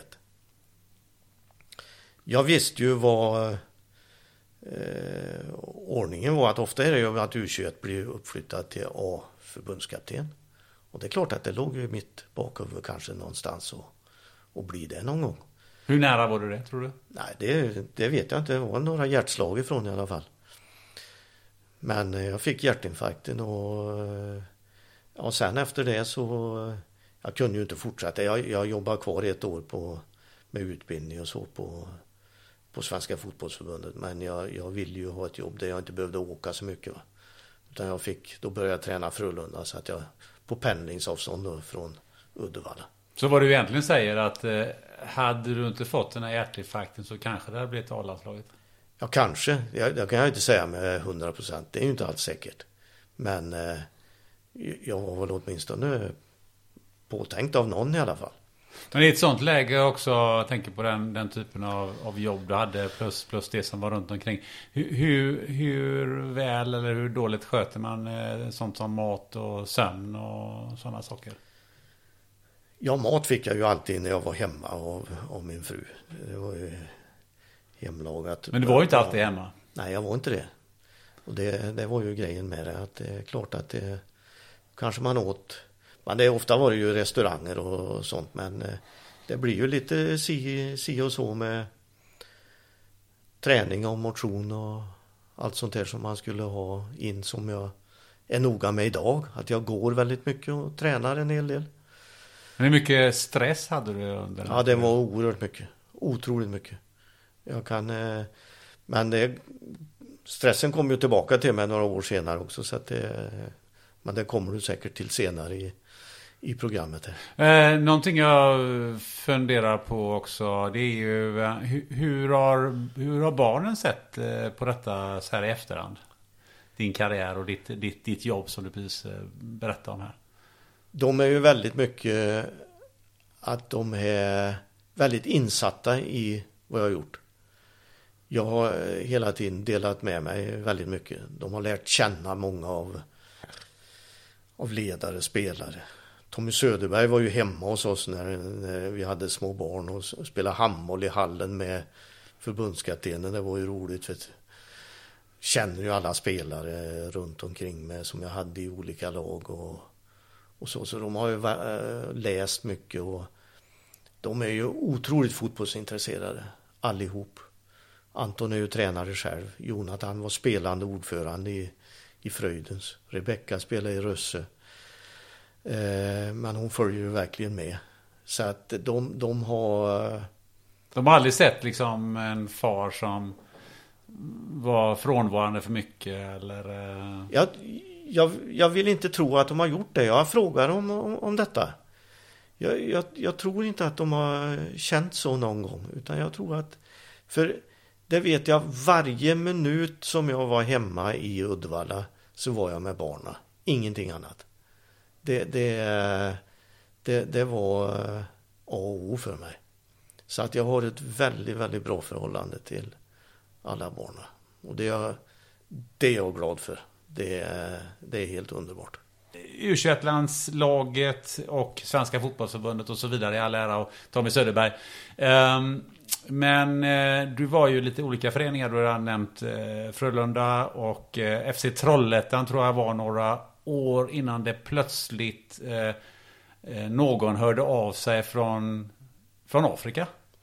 Ja, kanske inte från Afrika direkt, men däremot så hörde Patrik Mörk av sig.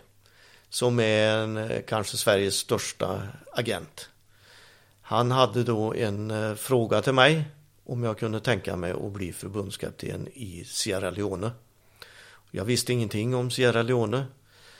Sierra Nevada hade jag hört talas om. Jag tänkte det var någon skidort någonstans. Men det var det inte. Utan Sierra Leone i Västafrika. Och så hörde även då Karl Fager av sig. Som är advokat. Och eh, han hjälpte mig att skriva ett avtal då med med eh, Sierra Leones Football Association som kallas för SLAFA. Och eh, anledningen att jag hade fått förfrågan det var att en stjärnjournalist på Expressen som heter Tommy Schönstedt han var kompis med Paul Kamara som var som då var sportminister direkt under presidenten sportsminister Och han hade bra erfarenheter av Sverige. Så att han ville då ha en tränare från Sverige. Och då undrade han om någon var ledig där i januari 2011 blev det. Eh, anledningen att Tommy Schönstedt träffade Kamara det var att de har journalistkollegor. Han jobbar på Freetown Press innan han blev sportminister.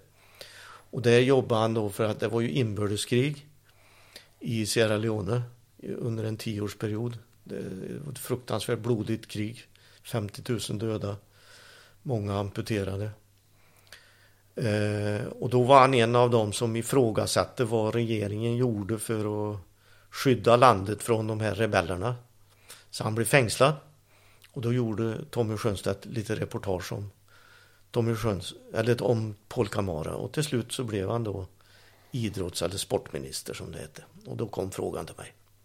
Men liksom hur letade det sig fram till just dig? Det måste ju varit otroligt många tillfälligheter. Ja, det var det väl, men eh, vad heter han? Eh, eh, Patrik Mörk här hade jag ju mycket kontakt med.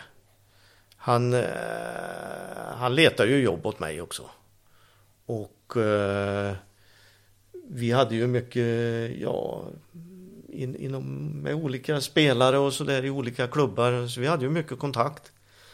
Och då eh, visste han att jag var ledig i januari där. För då var ju resten av, eh, de flesta tränarna var ju upptagna. Och, och det var därför jag fick frågan. Vad tänkte du när du fick den frågan? Förutom oh. att du tänkte Sierra Nevada. Ja, ja, precis. Nej, jag gick ju till frun då först och så gick jag till barna. Och de tyckte det lät väldigt spännande. Eh, och jag tänkte väl okej okay då, jag kan väl prova en match så får vi se hur det blir. Så Vad trodde du du skulle möta där nere? Ja, jag trodde ju att det skulle vara lite mer eh, säga, västerländskt. Att det skulle vara lite eh, mer modernt och lite bättre logistik och lite, lite mer som i Europa. Eller typ Marocko eller något sånt. Va? Och hur blev det? Nej, det var ju, det var ju en helt annan värld att, komma in i. Det var det. Var det. Alltså, flyget ner till, från Bryssel till, till Freetown, det tar väl fem och en halv timme. Sen landar man på en halvö. Sen ska man över en timme med en rostig färja som, som har sett sina bästa dagar. Kom man till, kom in i stan helt mörklagt. Några enstaka glödlampor här och där. Så kördes jag ut till en eh, bungalow ute i, utanför, eller någon kilometer från centrum. Så fick jag bo där och så vaknade jag på morgonen och fick se alla ja, här ödlor som springer omkring och, och folk. Det var ganska tomt på det området jag var. Men sen kom det ju folk då och hämtade mig och, och tog mig in till, till eh, ja, fotbollsförbundet och eh, till det där, eller där, där han jobbar och sportministern. Have catch yourself eating the same flavorless dinner three days in a row? Dreaming of something better? Well, hello fresh is your guilt free dream come true baby. It's me, Gigi Palmer.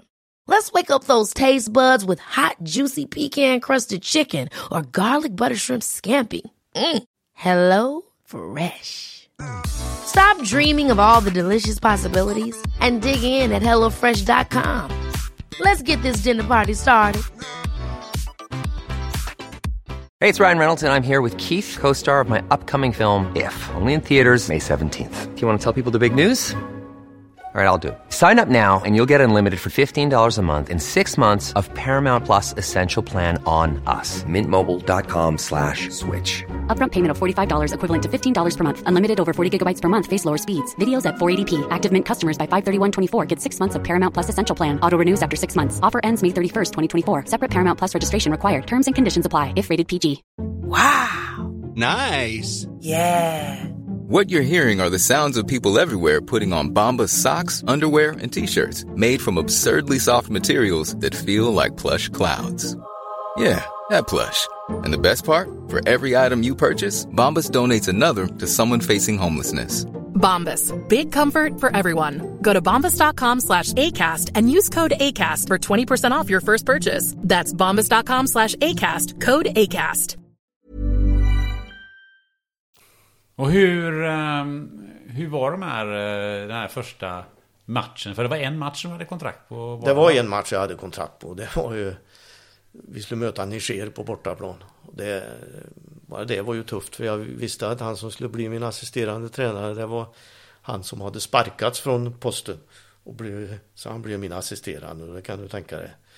Då var det läge för att knivar i ryggen. Hur såg de knivarna ut? Ja, de, de var ju rätt trubbiga om jag säger så. Nej då, de... Eh, jag ville ju ta ut de spelarna som jag hade och det var ju mycket fighter med dem på eh, fotbollsförbundet. De ville ju ha sina egna spelare ut. För de ville ju att de skulle göra reklam för dem och kunna säljas upp till Europa. Att de kunde få in lite Alltså som inhemska spelare? Ja, inhemska. Jag ville ju ha med de europeiska proffsen för de visste jag vad de gick för. Jag hade ju koll på dem uppe i Europa. De spelade i USA och i, i, i ligor i, i Serbien, Tyskland, eh, Italien. Eh, Sverige var nog också någon i. Så att jag hade ju bra koll på, på de spelarna och jag ville ju ha med dem. Men det var jag fick ju fighta som var den. Jag var ju precis ensam. Jag var ju enda vita där. Så det var bara att jobba. Och eh, hur som helst då vi vi tog oss iväg till eh, Niger och det är att eh, flyga inrikes i Afrika. Det är ingen större hit, det får jag säga. Det, det ligger ungefär 100 mil nordost om, om Sierra Leone, ligger Niger. Men eh, det går ju inte att flyga direkt. Och åka buss är ju inte att, att tänka på heller. Det är ju farligt för det första. Så att det var ju upp till Casablanca. I Marocko? I Marocko och sen ner till Niger. Så det var ju en omväg på några hundra mil. Så var ju där en eh, vecka ungefär och så började spelarna droppa in på onsdagen, torsdag, fredag. Så var det match på lördag. Och det var ju eh, jättebra killar att göra med för de var ju vana den europeiska stilen. Det, det var ju inte det men det jobbiga var ju när vi eh, Ja, på hotellet det kom det in många från Sierra Leone och kom stora följen med familjer och kom med egen mat till spelarna och allt sånt där. Va? Eh, och det var ju svårt för mig att hålla ordning på allt detta. och Jag la ingen större kraft på det heller. Men däremot så märkte jag ju när jag satt vid, när vi satt och åt.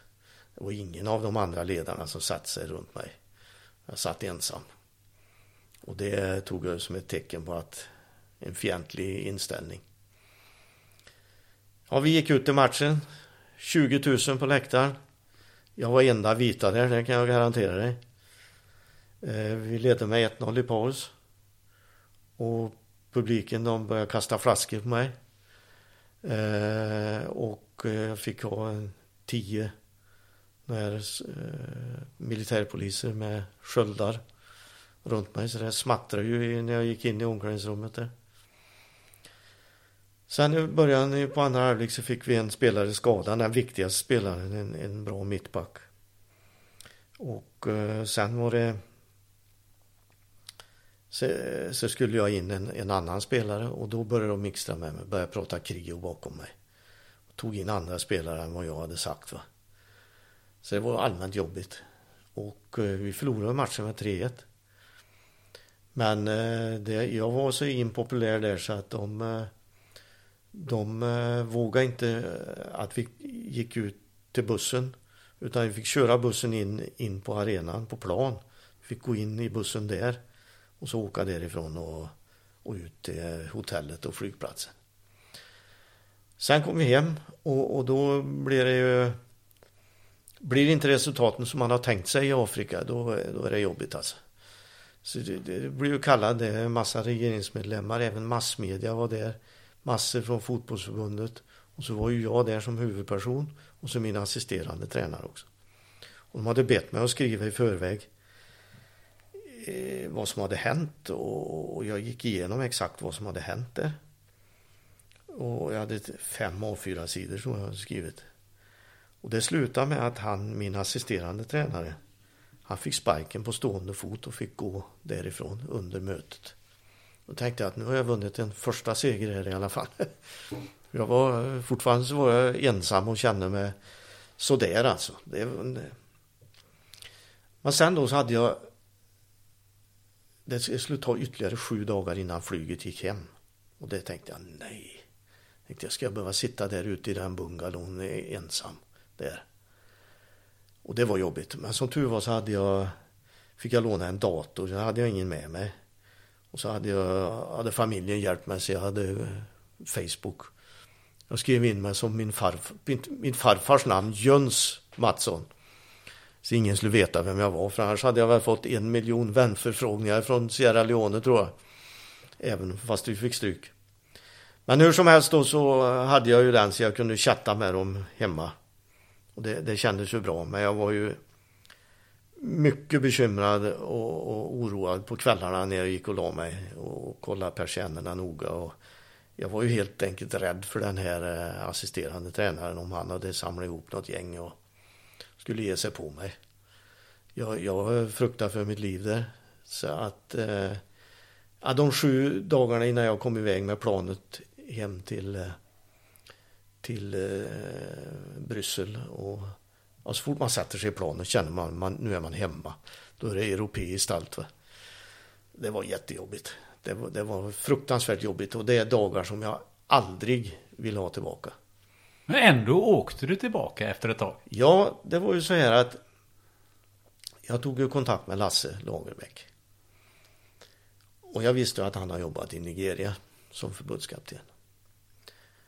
Och han, jag fick ju några konkreta råd av honom. Och ett av råden var ju att ta med minst två svenskar. En som sköter ryggen bakom dig så att du har ryggen fri. Och den andra som sköter logistiken. Så jag raggade upp Lennart Krall Andersson och Jonny Murray. Och det var de bästa bästa bästa jag har gjort med det här. Annars har jag aldrig åkt tillbaka heller. Jag trodde väl inte att jag skulle få ett erbjudande att åka tillbaka heller. Men jag tog med dem. Och det visade sig att det var ju fantastiskt bra. Vi, eh, vi skulle möta Niger då på hemmaplan, eh, revanschmatchen. Och, och laget hade inte vunnit på tre år. Och eh, eh man var rankade som nummer 123 i världen av 210 länder. Och vi mötte Niger hemma och, och, och de höll ju väldigt bra. Alltså Kral, det är ju en människa, han kan ju skälla ut oavsett om det är presidenter eller om det är vaktmästare så sätter han sina svarta ögon i dem och skäller ut dem. Han gör det efter noter. Och det var helt perfekt att ha honom med. Johnny Murray, en idog arbetsmyra, mycket duktig i, i, i med fotbollen. Målvaktstränare. Eh, har tränat Grimsås och tränat många Skene och många lag i, i, i, Sverige. Och vi kände varandra rätt så väl. och få vara med dem, det kändes lugnt och fint. Och vi hade faktiskt, eh, just den matchen så hade vi två journalister som var med oss från eh, tidningen Offside. Och det var Anders Bengtsson. Och det var eh, fotografen Peter Claesson. Och de tyckte ju det var enormt att få hänga i haserna på oss och följa med ganska ingående. För det var ju många svenskar spelade Mohamed Bangura, Tette Bangura, Ibrahim Koroma. Och många som hade anknytning till Sverige. Samuel Barley och det också det. Så att eh, de eh, gjorde ju ett jättelångt reportage i tidningen Offside, 32 sidor. Han blev, Anders Bengtsson blev nominerad till Stora Journalistpriset Eh, för det. Men han fick inte priset, men han blev nominerad i alla fall. Så det var en jättebra text han hade gjort. Och, och bilderna är ju helt otroliga, så de finns ju med i min bok. Eh, som Peter Claesson har, har tagit. Eh, vi vinner den här matchen med 1-0. Och folk går ju bananas. De är ju så lyckliga. Ja, jag, jag har aldrig skådat en sån glädje som är efter den här matchen. När vi gör 1-0, då de här militärpoliserna, det hade vi mellan 500 och 1000 militärpoliser med stora gevär. Och så har de scarfs på sig, och vit, blå, gröna. Så när vi gör mål, då är gevären upp i, i, i luften och, och jublande och allt möjligt sånt där. Så, eh, men men då, då ska vi ifrån the dugout, alltså där avbytarna sitter och, och tränarna. Så måste vi över 6, 65 meter över till andra sidan för att komma till omklädningsrummet. Och det gick ju inte. Det kom ju 10 000 människor var ju nere på plan. Men då hade vi hjälp av då, de här vakterna som, som tog oss ut då. Så att vi kunde komma i lugn och ro. Och det, det, alltså det firandet som var efteråt att landet hade vunnit sin första match på så många år och presidenten som, som han hette Ernest Bay Koroma.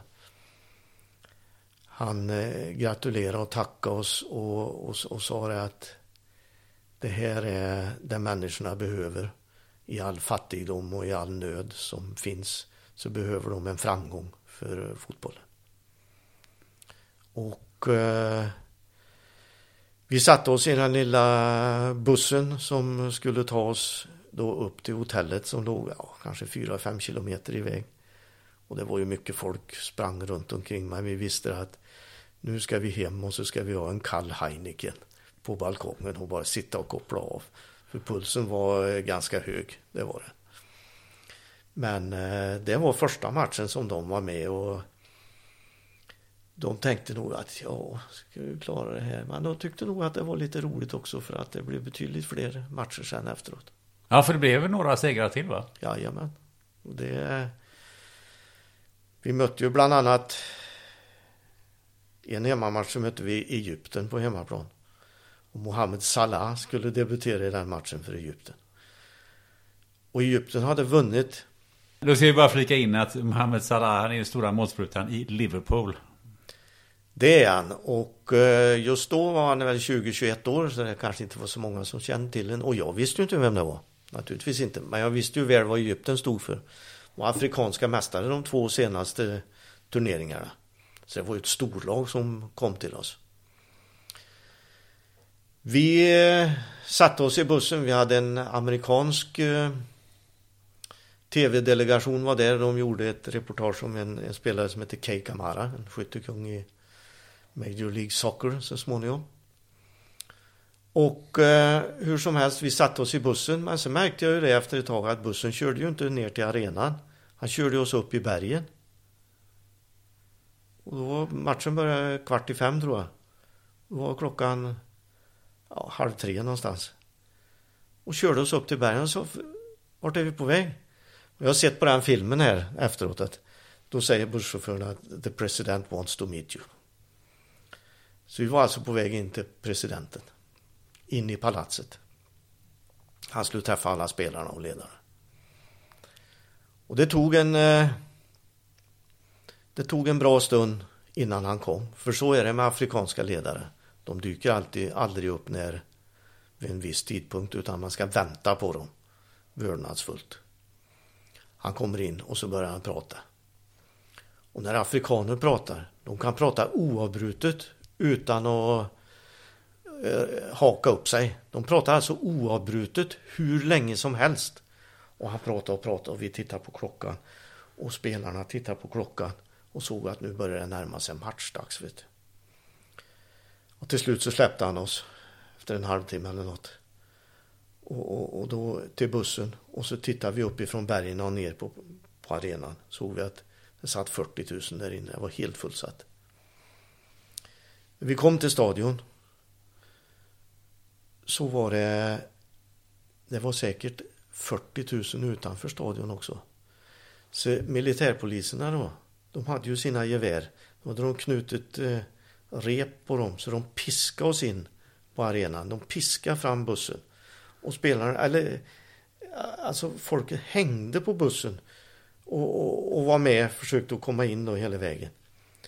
Ja, det var vidrigt. Vi, vi kom in bara 45 minuter före matchen. Men vi, ja, hur som helst då så hade min lagkapten som jag hade gjort till lagkapten. Jag hade petat han första matchen och då ringde han upp till regeringen. Jag satt in en 19-åring. Han ringde till regeringen och klagade på det. Men som första matchen ändå så var han han skötte detta riktigt bra. Eller andra matchen var det. Han skötte det bra och, och han var när han kom in så gjorde han det bra så jag tänkte jag tog med en där i den matchen mot Egypten. Då kommer han till mig kvällen innan matchen mot Egypten och säger han så här. Hej coach. You can relax now, så. Du kan bara koppla av. Everything is set for tomorrow. Ja, så thank you. Jag, jag, visste ju inte vad jag skulle tro om detta. Man hade ju hört om allt möjligt med domare på hemmaplan och muter och allt möjligt sånt där. Men man vill ju inte tro någonting och jag ställde inga följdfrågor. Jag gjorde inte det. Men vi spelar matchen då. Står 1-1 mot Egypten. Det har gått... Eh, det är tre minuter kvar på matchen. 87 minuten. Då kommer Tete Bangura relativt fri i straffområdet. Så faller han, tycker jag, ganska lätt i straffområdet. Straff till oss. 2-1 Mohamed Bangura. Och, och, vi vann den matchen med 2-1. Och sen när jag kom hem då efter vi hade tagit några Heineken igen, då började jag fundera på vad sa lagkapten till mig igår?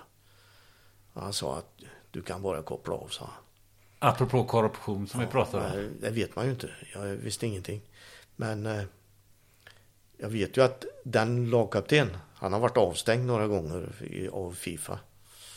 Det, det har han varit. Men eh, hur som helst, vi vann den här matchen och jag vet även att hur svårt det är att vinna borta i Afrika. Det är nästan på gränsen till hopplöst. Det är mycket, mycket svårt. Du, eh, du tog ju eh, Sierra Leone från plats, vad sa du? 100... 123 till 57 faktiskt. Det är något av rekord va? Ja, vi var världens näst bästa klättrare efter Wales år 2012. Och det är jag ju väldigt stolt över faktiskt. Det var ju en, en, en enorm resa. Vi närmar oss avrundning men det finns en sak till som jag skulle vilja eh, eh prata med dig om eh, när det gäller Sierra Leone. För du såg ju inte bara fotbollen på det sättet utan eh, jag har också läst mig till att du var ute på och jogga lite på, på stränder och, och sådär. Och där fick du se en, en annan bild eh, som jag gärna Ehm, skulle vilja att du berättar om. Ja, det var jobbigt. Jag var ute och sprang. Då kom det en kille på kryckor på ett ben och, och körde förbi mig. Och så stannade han mig och började prata med. Han var 17 år. Hette Mohammed Ceesay. Berättade han vad som hade hänt honom. Han hade varit... Det var under inbördeskriget då. Då eh, rebellerna kom till hans hydda. Gick in och tog med sig hans två föräldrar, mamma och pappa. Hörde han två skott. Sen såg han aldrig dem mer igen. Tog de ut honom på en slaktbänk. Höggen vid knät. Högg av knät. Högg av benet där. Det var rebellernas signum att sätta skräck i befolkningen. Man, man eh, amputerade många yngre. Och det är, idag är det en, runt tusen personer som är amputerade. Och de är, det är ju stigma runt om. De har alltså väldigt, väldigt svårt att få jobb. De har eh, mycket, ja det, det är jättejobbigt. Jag gav den här killen 100 dollar så han skulle köpa sig en protes och få en protes. Dagen efter kom han upp till mig på hotellrummet, knackade på och var alldeles sönderslagen. De hade misshandlat. Det hade tagit hans 100 dollar. Han hade, han hade väl talat om han hade fått det. Men hur som helst, de handikappade, de amputerade. De spelar fotboll på, ja, där i Aberdeen Beach som det heter. Det är ju, det har många brittiska namn för det var en gammal brittisk straffkoloni. Freetown, därför heter det Freetown. På Aberdeen Beach, där gick det fotbollsmatcher varje söndag. Var 50 meter var det en ny plan. Kanske bortåt en mil. Ja, fantastiskt. Planer överallt. Och till en plan vi kom, det var det bara amputerade som spelade. Kryckor, ett ben. Och spela. Och så duktiga. Alltså det var tekniska finesser som, som man inte kan tro. Utsidesparker och Ja, det, det, det var helt fantastiskt. Målvakten, han hade en arm. Då frågade vad har hänt med dig? Frågade. Jo, de rodde mig ut på havet, rebellerna. Och så frågade han mig, you want long or short sleeve? Han trodde han skulle få en ny tröja. Istället högg de armen av över armbågen. Det här satte sig så djupt hos Kral och Jonny och mig. Så att vi tänkte, vi måste göra något för dem. Så Jonny han jobbade på Borås fotbollsgymnasium. Tog med sig grejer därifrån. Bollar och skor och dräkter och allt. Kral samlade ihop uppe i Braga. Han var tränare i Braga. Samlade ihop eh, dräkter där. Så åkte vi ner och hade med oss nästa match. Vi var nere några matcher till. Och så gav till dem. Och det var ju underbart att se dem. Ja, de, det, det var hur duktiga som helst. Men de här, vi följde ju med hem till dem och de bodde ju alltså i jordhyddor. Två, två bäddar var det och någon slav som de bodde i, två stycken. In, jordgolv, jordväggar. Eh, eh, de hade inget el, inget rinnande vatten. Och de hade inget jobb för de kunde inte få något jobb. De fick ofta ett mål ris per dag som någon bara gav dem till dem då, för att vara snälla. De sista gångerna vi var där uppe, då såg vi, de var inte ute på plan. Vi blev jättebekymrade. Så vi gick hem till dem. Ja, de låg de berusade med, eller hade sniffat lim och, och sådana saker. Så att detta var tragiskt. Men att jag vet, det har ju fortsatt det med äh, äh, de har ett landslag för amputerade. Och många av dem har varit med i det landslaget. Så att de, de har klarat sig hyfsat bra. Men det är, det är jättejobbigt för de amputerade där, verkligen. Och jag kan ju flika in att det finns faktiskt en film på YouTube som, eh, som visar precis det du eh, berättar om. Jag tycker den, den ska man spana in. Jag har själv eh, filmat också som jag brukar ha när jag är ute och håller föredrag och berättar om det. Och de, det är inte själva fotbollen i sig de är så intresserade. De har blivit mest berörda av när de har sett det avsnittet med, med de amputerade när de spelar. Med det du berättar här, vad, vad är det för någonting som du tar med dig i, i ditt liv eh, från den här perioden eh, när du jobbade eh, med och i Sierra Leone? Ja, det är ju mycket. Man, man tar ju mycket för givet här uppe man, man är ju bortskämd och man har det väldigt, väldigt bra här. Och, och, det måste vi ju inse. De har det ju bra på sitt sätt där nere också, men att det är fattigt och, och, och så vidare. Man, alla drömmer ju som spelare därifrån att, att ta steget upp i Europa och bli proffs i Europa. När, när man ser hur de har det där i, hemma då uppskattar man ju verkligen det som vi har här. Och man ska verkligen inte gnälla eller ta allt för givet här hemma utan är man frisk här då har man och har sina, sina anhöriga i, i god hälsa då, då har man det riktigt bra.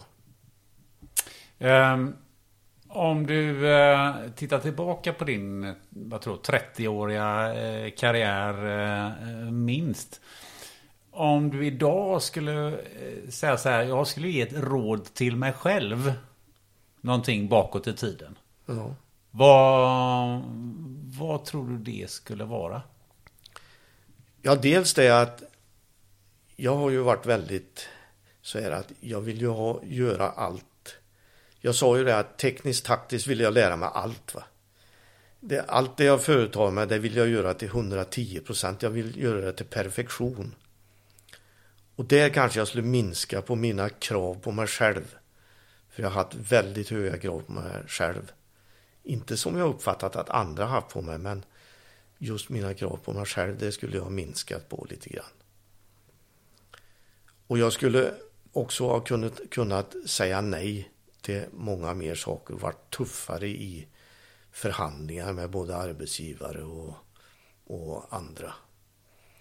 Och sen så tycker jag också att jag skulle ha varit lite kanske ännu mer ledare för mina spelare än vad jag var i början. Alltså lagt armen om dem och pratat om hur de har det hemma och så vidare. Det var ju Tommy Söderberg lärde ju mig oerhört mycket under de åren vi jobbade ihop. Det är en riktig genuin människa som bryr sig om alla, som är intresserad av människor, som är han vill inte prata om sig själv utan han vill prata om hur, hur de andra har det. Va? Och det, det är sånt jag kunde ha tänkt mig att kunna ändra när jag var riktigt ung då. Men att även detta att man trodde kanske att det är en dans på rosor det här med att vara fotbollstränare. Det är inte det va, utan det är en tuff tillvaro som kräver mycket och det är mycket kan gå förlorat på att man är så sugen på att göra karriär då. Istället kanske man skulle ha haft andra visioner. Det, det vet jag inte, men det är väl sånt som jag ibland kan fundera över. Nu har vi ju fått eh, sitta hemma hos dig och göra den här intervjun. Du har ju öppnat i, ditt hem här och skulle bara vilja veta att hur, hur, hur kändes det här att snacka i den här podden? Väldigt, väldigt bra. Eh, det är så gott att få prata utan att bli avbruten. Det är, det är så många jag skulle vilja, eller ja, kompisar och så är man ju ute och går med och pratar med mycket och så. Men just det här att få prata till, till punkt, det tycker jag känns eh, väldigt, väldigt bra faktiskt. Om du skulle ge något eh, tips på någon annan som skulle få prata till punkt. Har du funderat på någon sån? Det har jag. Vem kan det vara? Ja, det är en eh, mycket spännande människa vill jag säga. Eh, han bor lite utanför Ljungskile, så det är inte så långt från dina hemtrakter. Det är en spelare som jag hade när han var 17 år. Som kom som föräldralös från Finland. Och blev proffs med Ljungskile. Och var proffs några år. Utbildade sig till socionom i Östersund. Och idag en av Sveriges mest framstående socionomer vill jag påstå i, i det han, han, han diskuterar mycket och pratar om barns rättigheter och det här med psykofarmaka att han vill ha, ta, ta bort tabletter och så vidare ofta ute och håller föredrag sen dessutom är han vissångare komponerar egna sånger till och med varit med på filmer han heter Lasse Mattila och det är en... Eh, om, om du bara googlar på Lasse Mattila så får du se vem det är. Jag har haft väldigt goda kontakter med honom genom alla åren. Han, när han var 17 år, när vi bodde första halvåret i Ljungskile, då knackade det på dörren klockan sex på morgonen. Då skulle han ha nyckeln till gymmet. Då gick han dit och gymma. Och så eh, var han på skolan då på dagen och så spelade han med oss på kvällen. Och 45 minuter innan varje träning var han ute och förberedde sig själv. Uppvärmning, stretching, väldigt noggrann med kropp och allting. Va?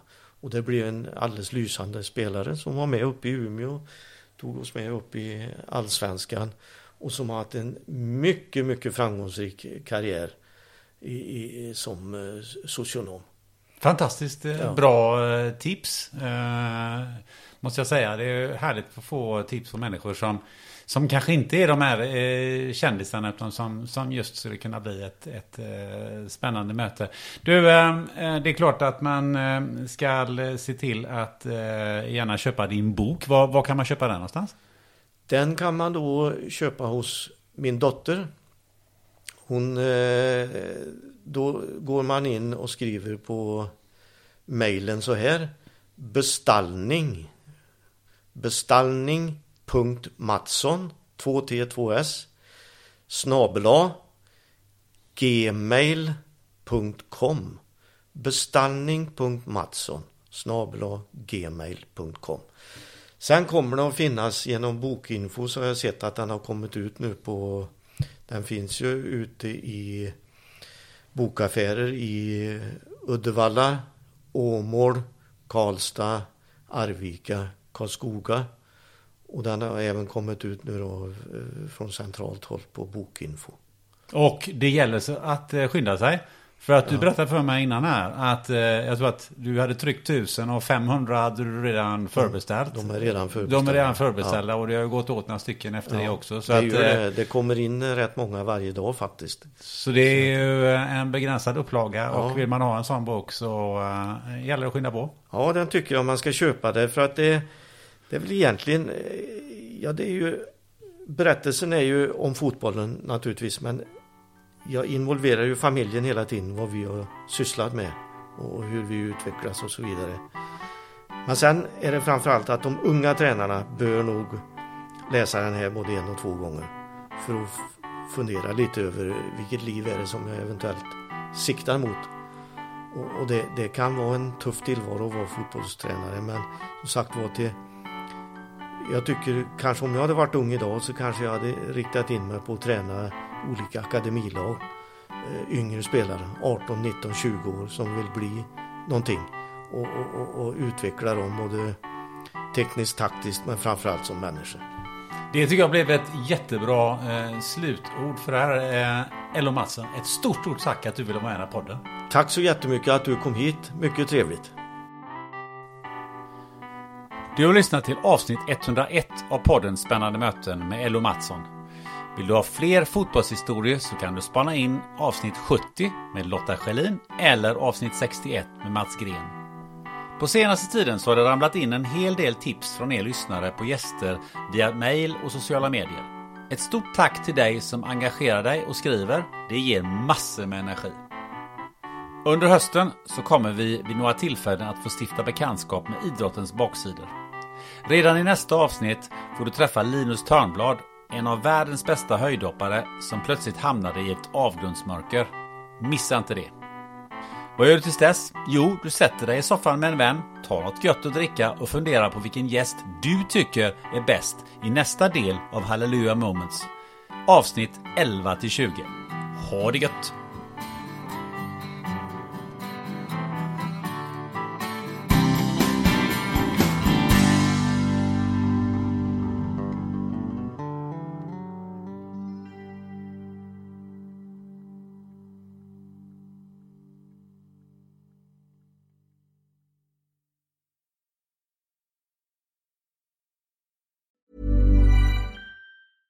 Ever catch yourself eating the same flavorless dinner three days in a row? Dreaming of something better? Well, HelloFresh is your guilt-free dream come true, baby. It's me, Kiki Palmer. Let's wake up those taste buds with hot, juicy pecan-crusted chicken or garlic butter shrimp scampi. Mm. Hello Fresh. Stop dreaming of all the delicious possibilities and dig in at HelloFresh.com. Let's get this dinner party started. Even when we're on a budget, we still deserve nice things. Quince is a place to scoop up stunning high-end goods for 50 to 80% less than similar brands.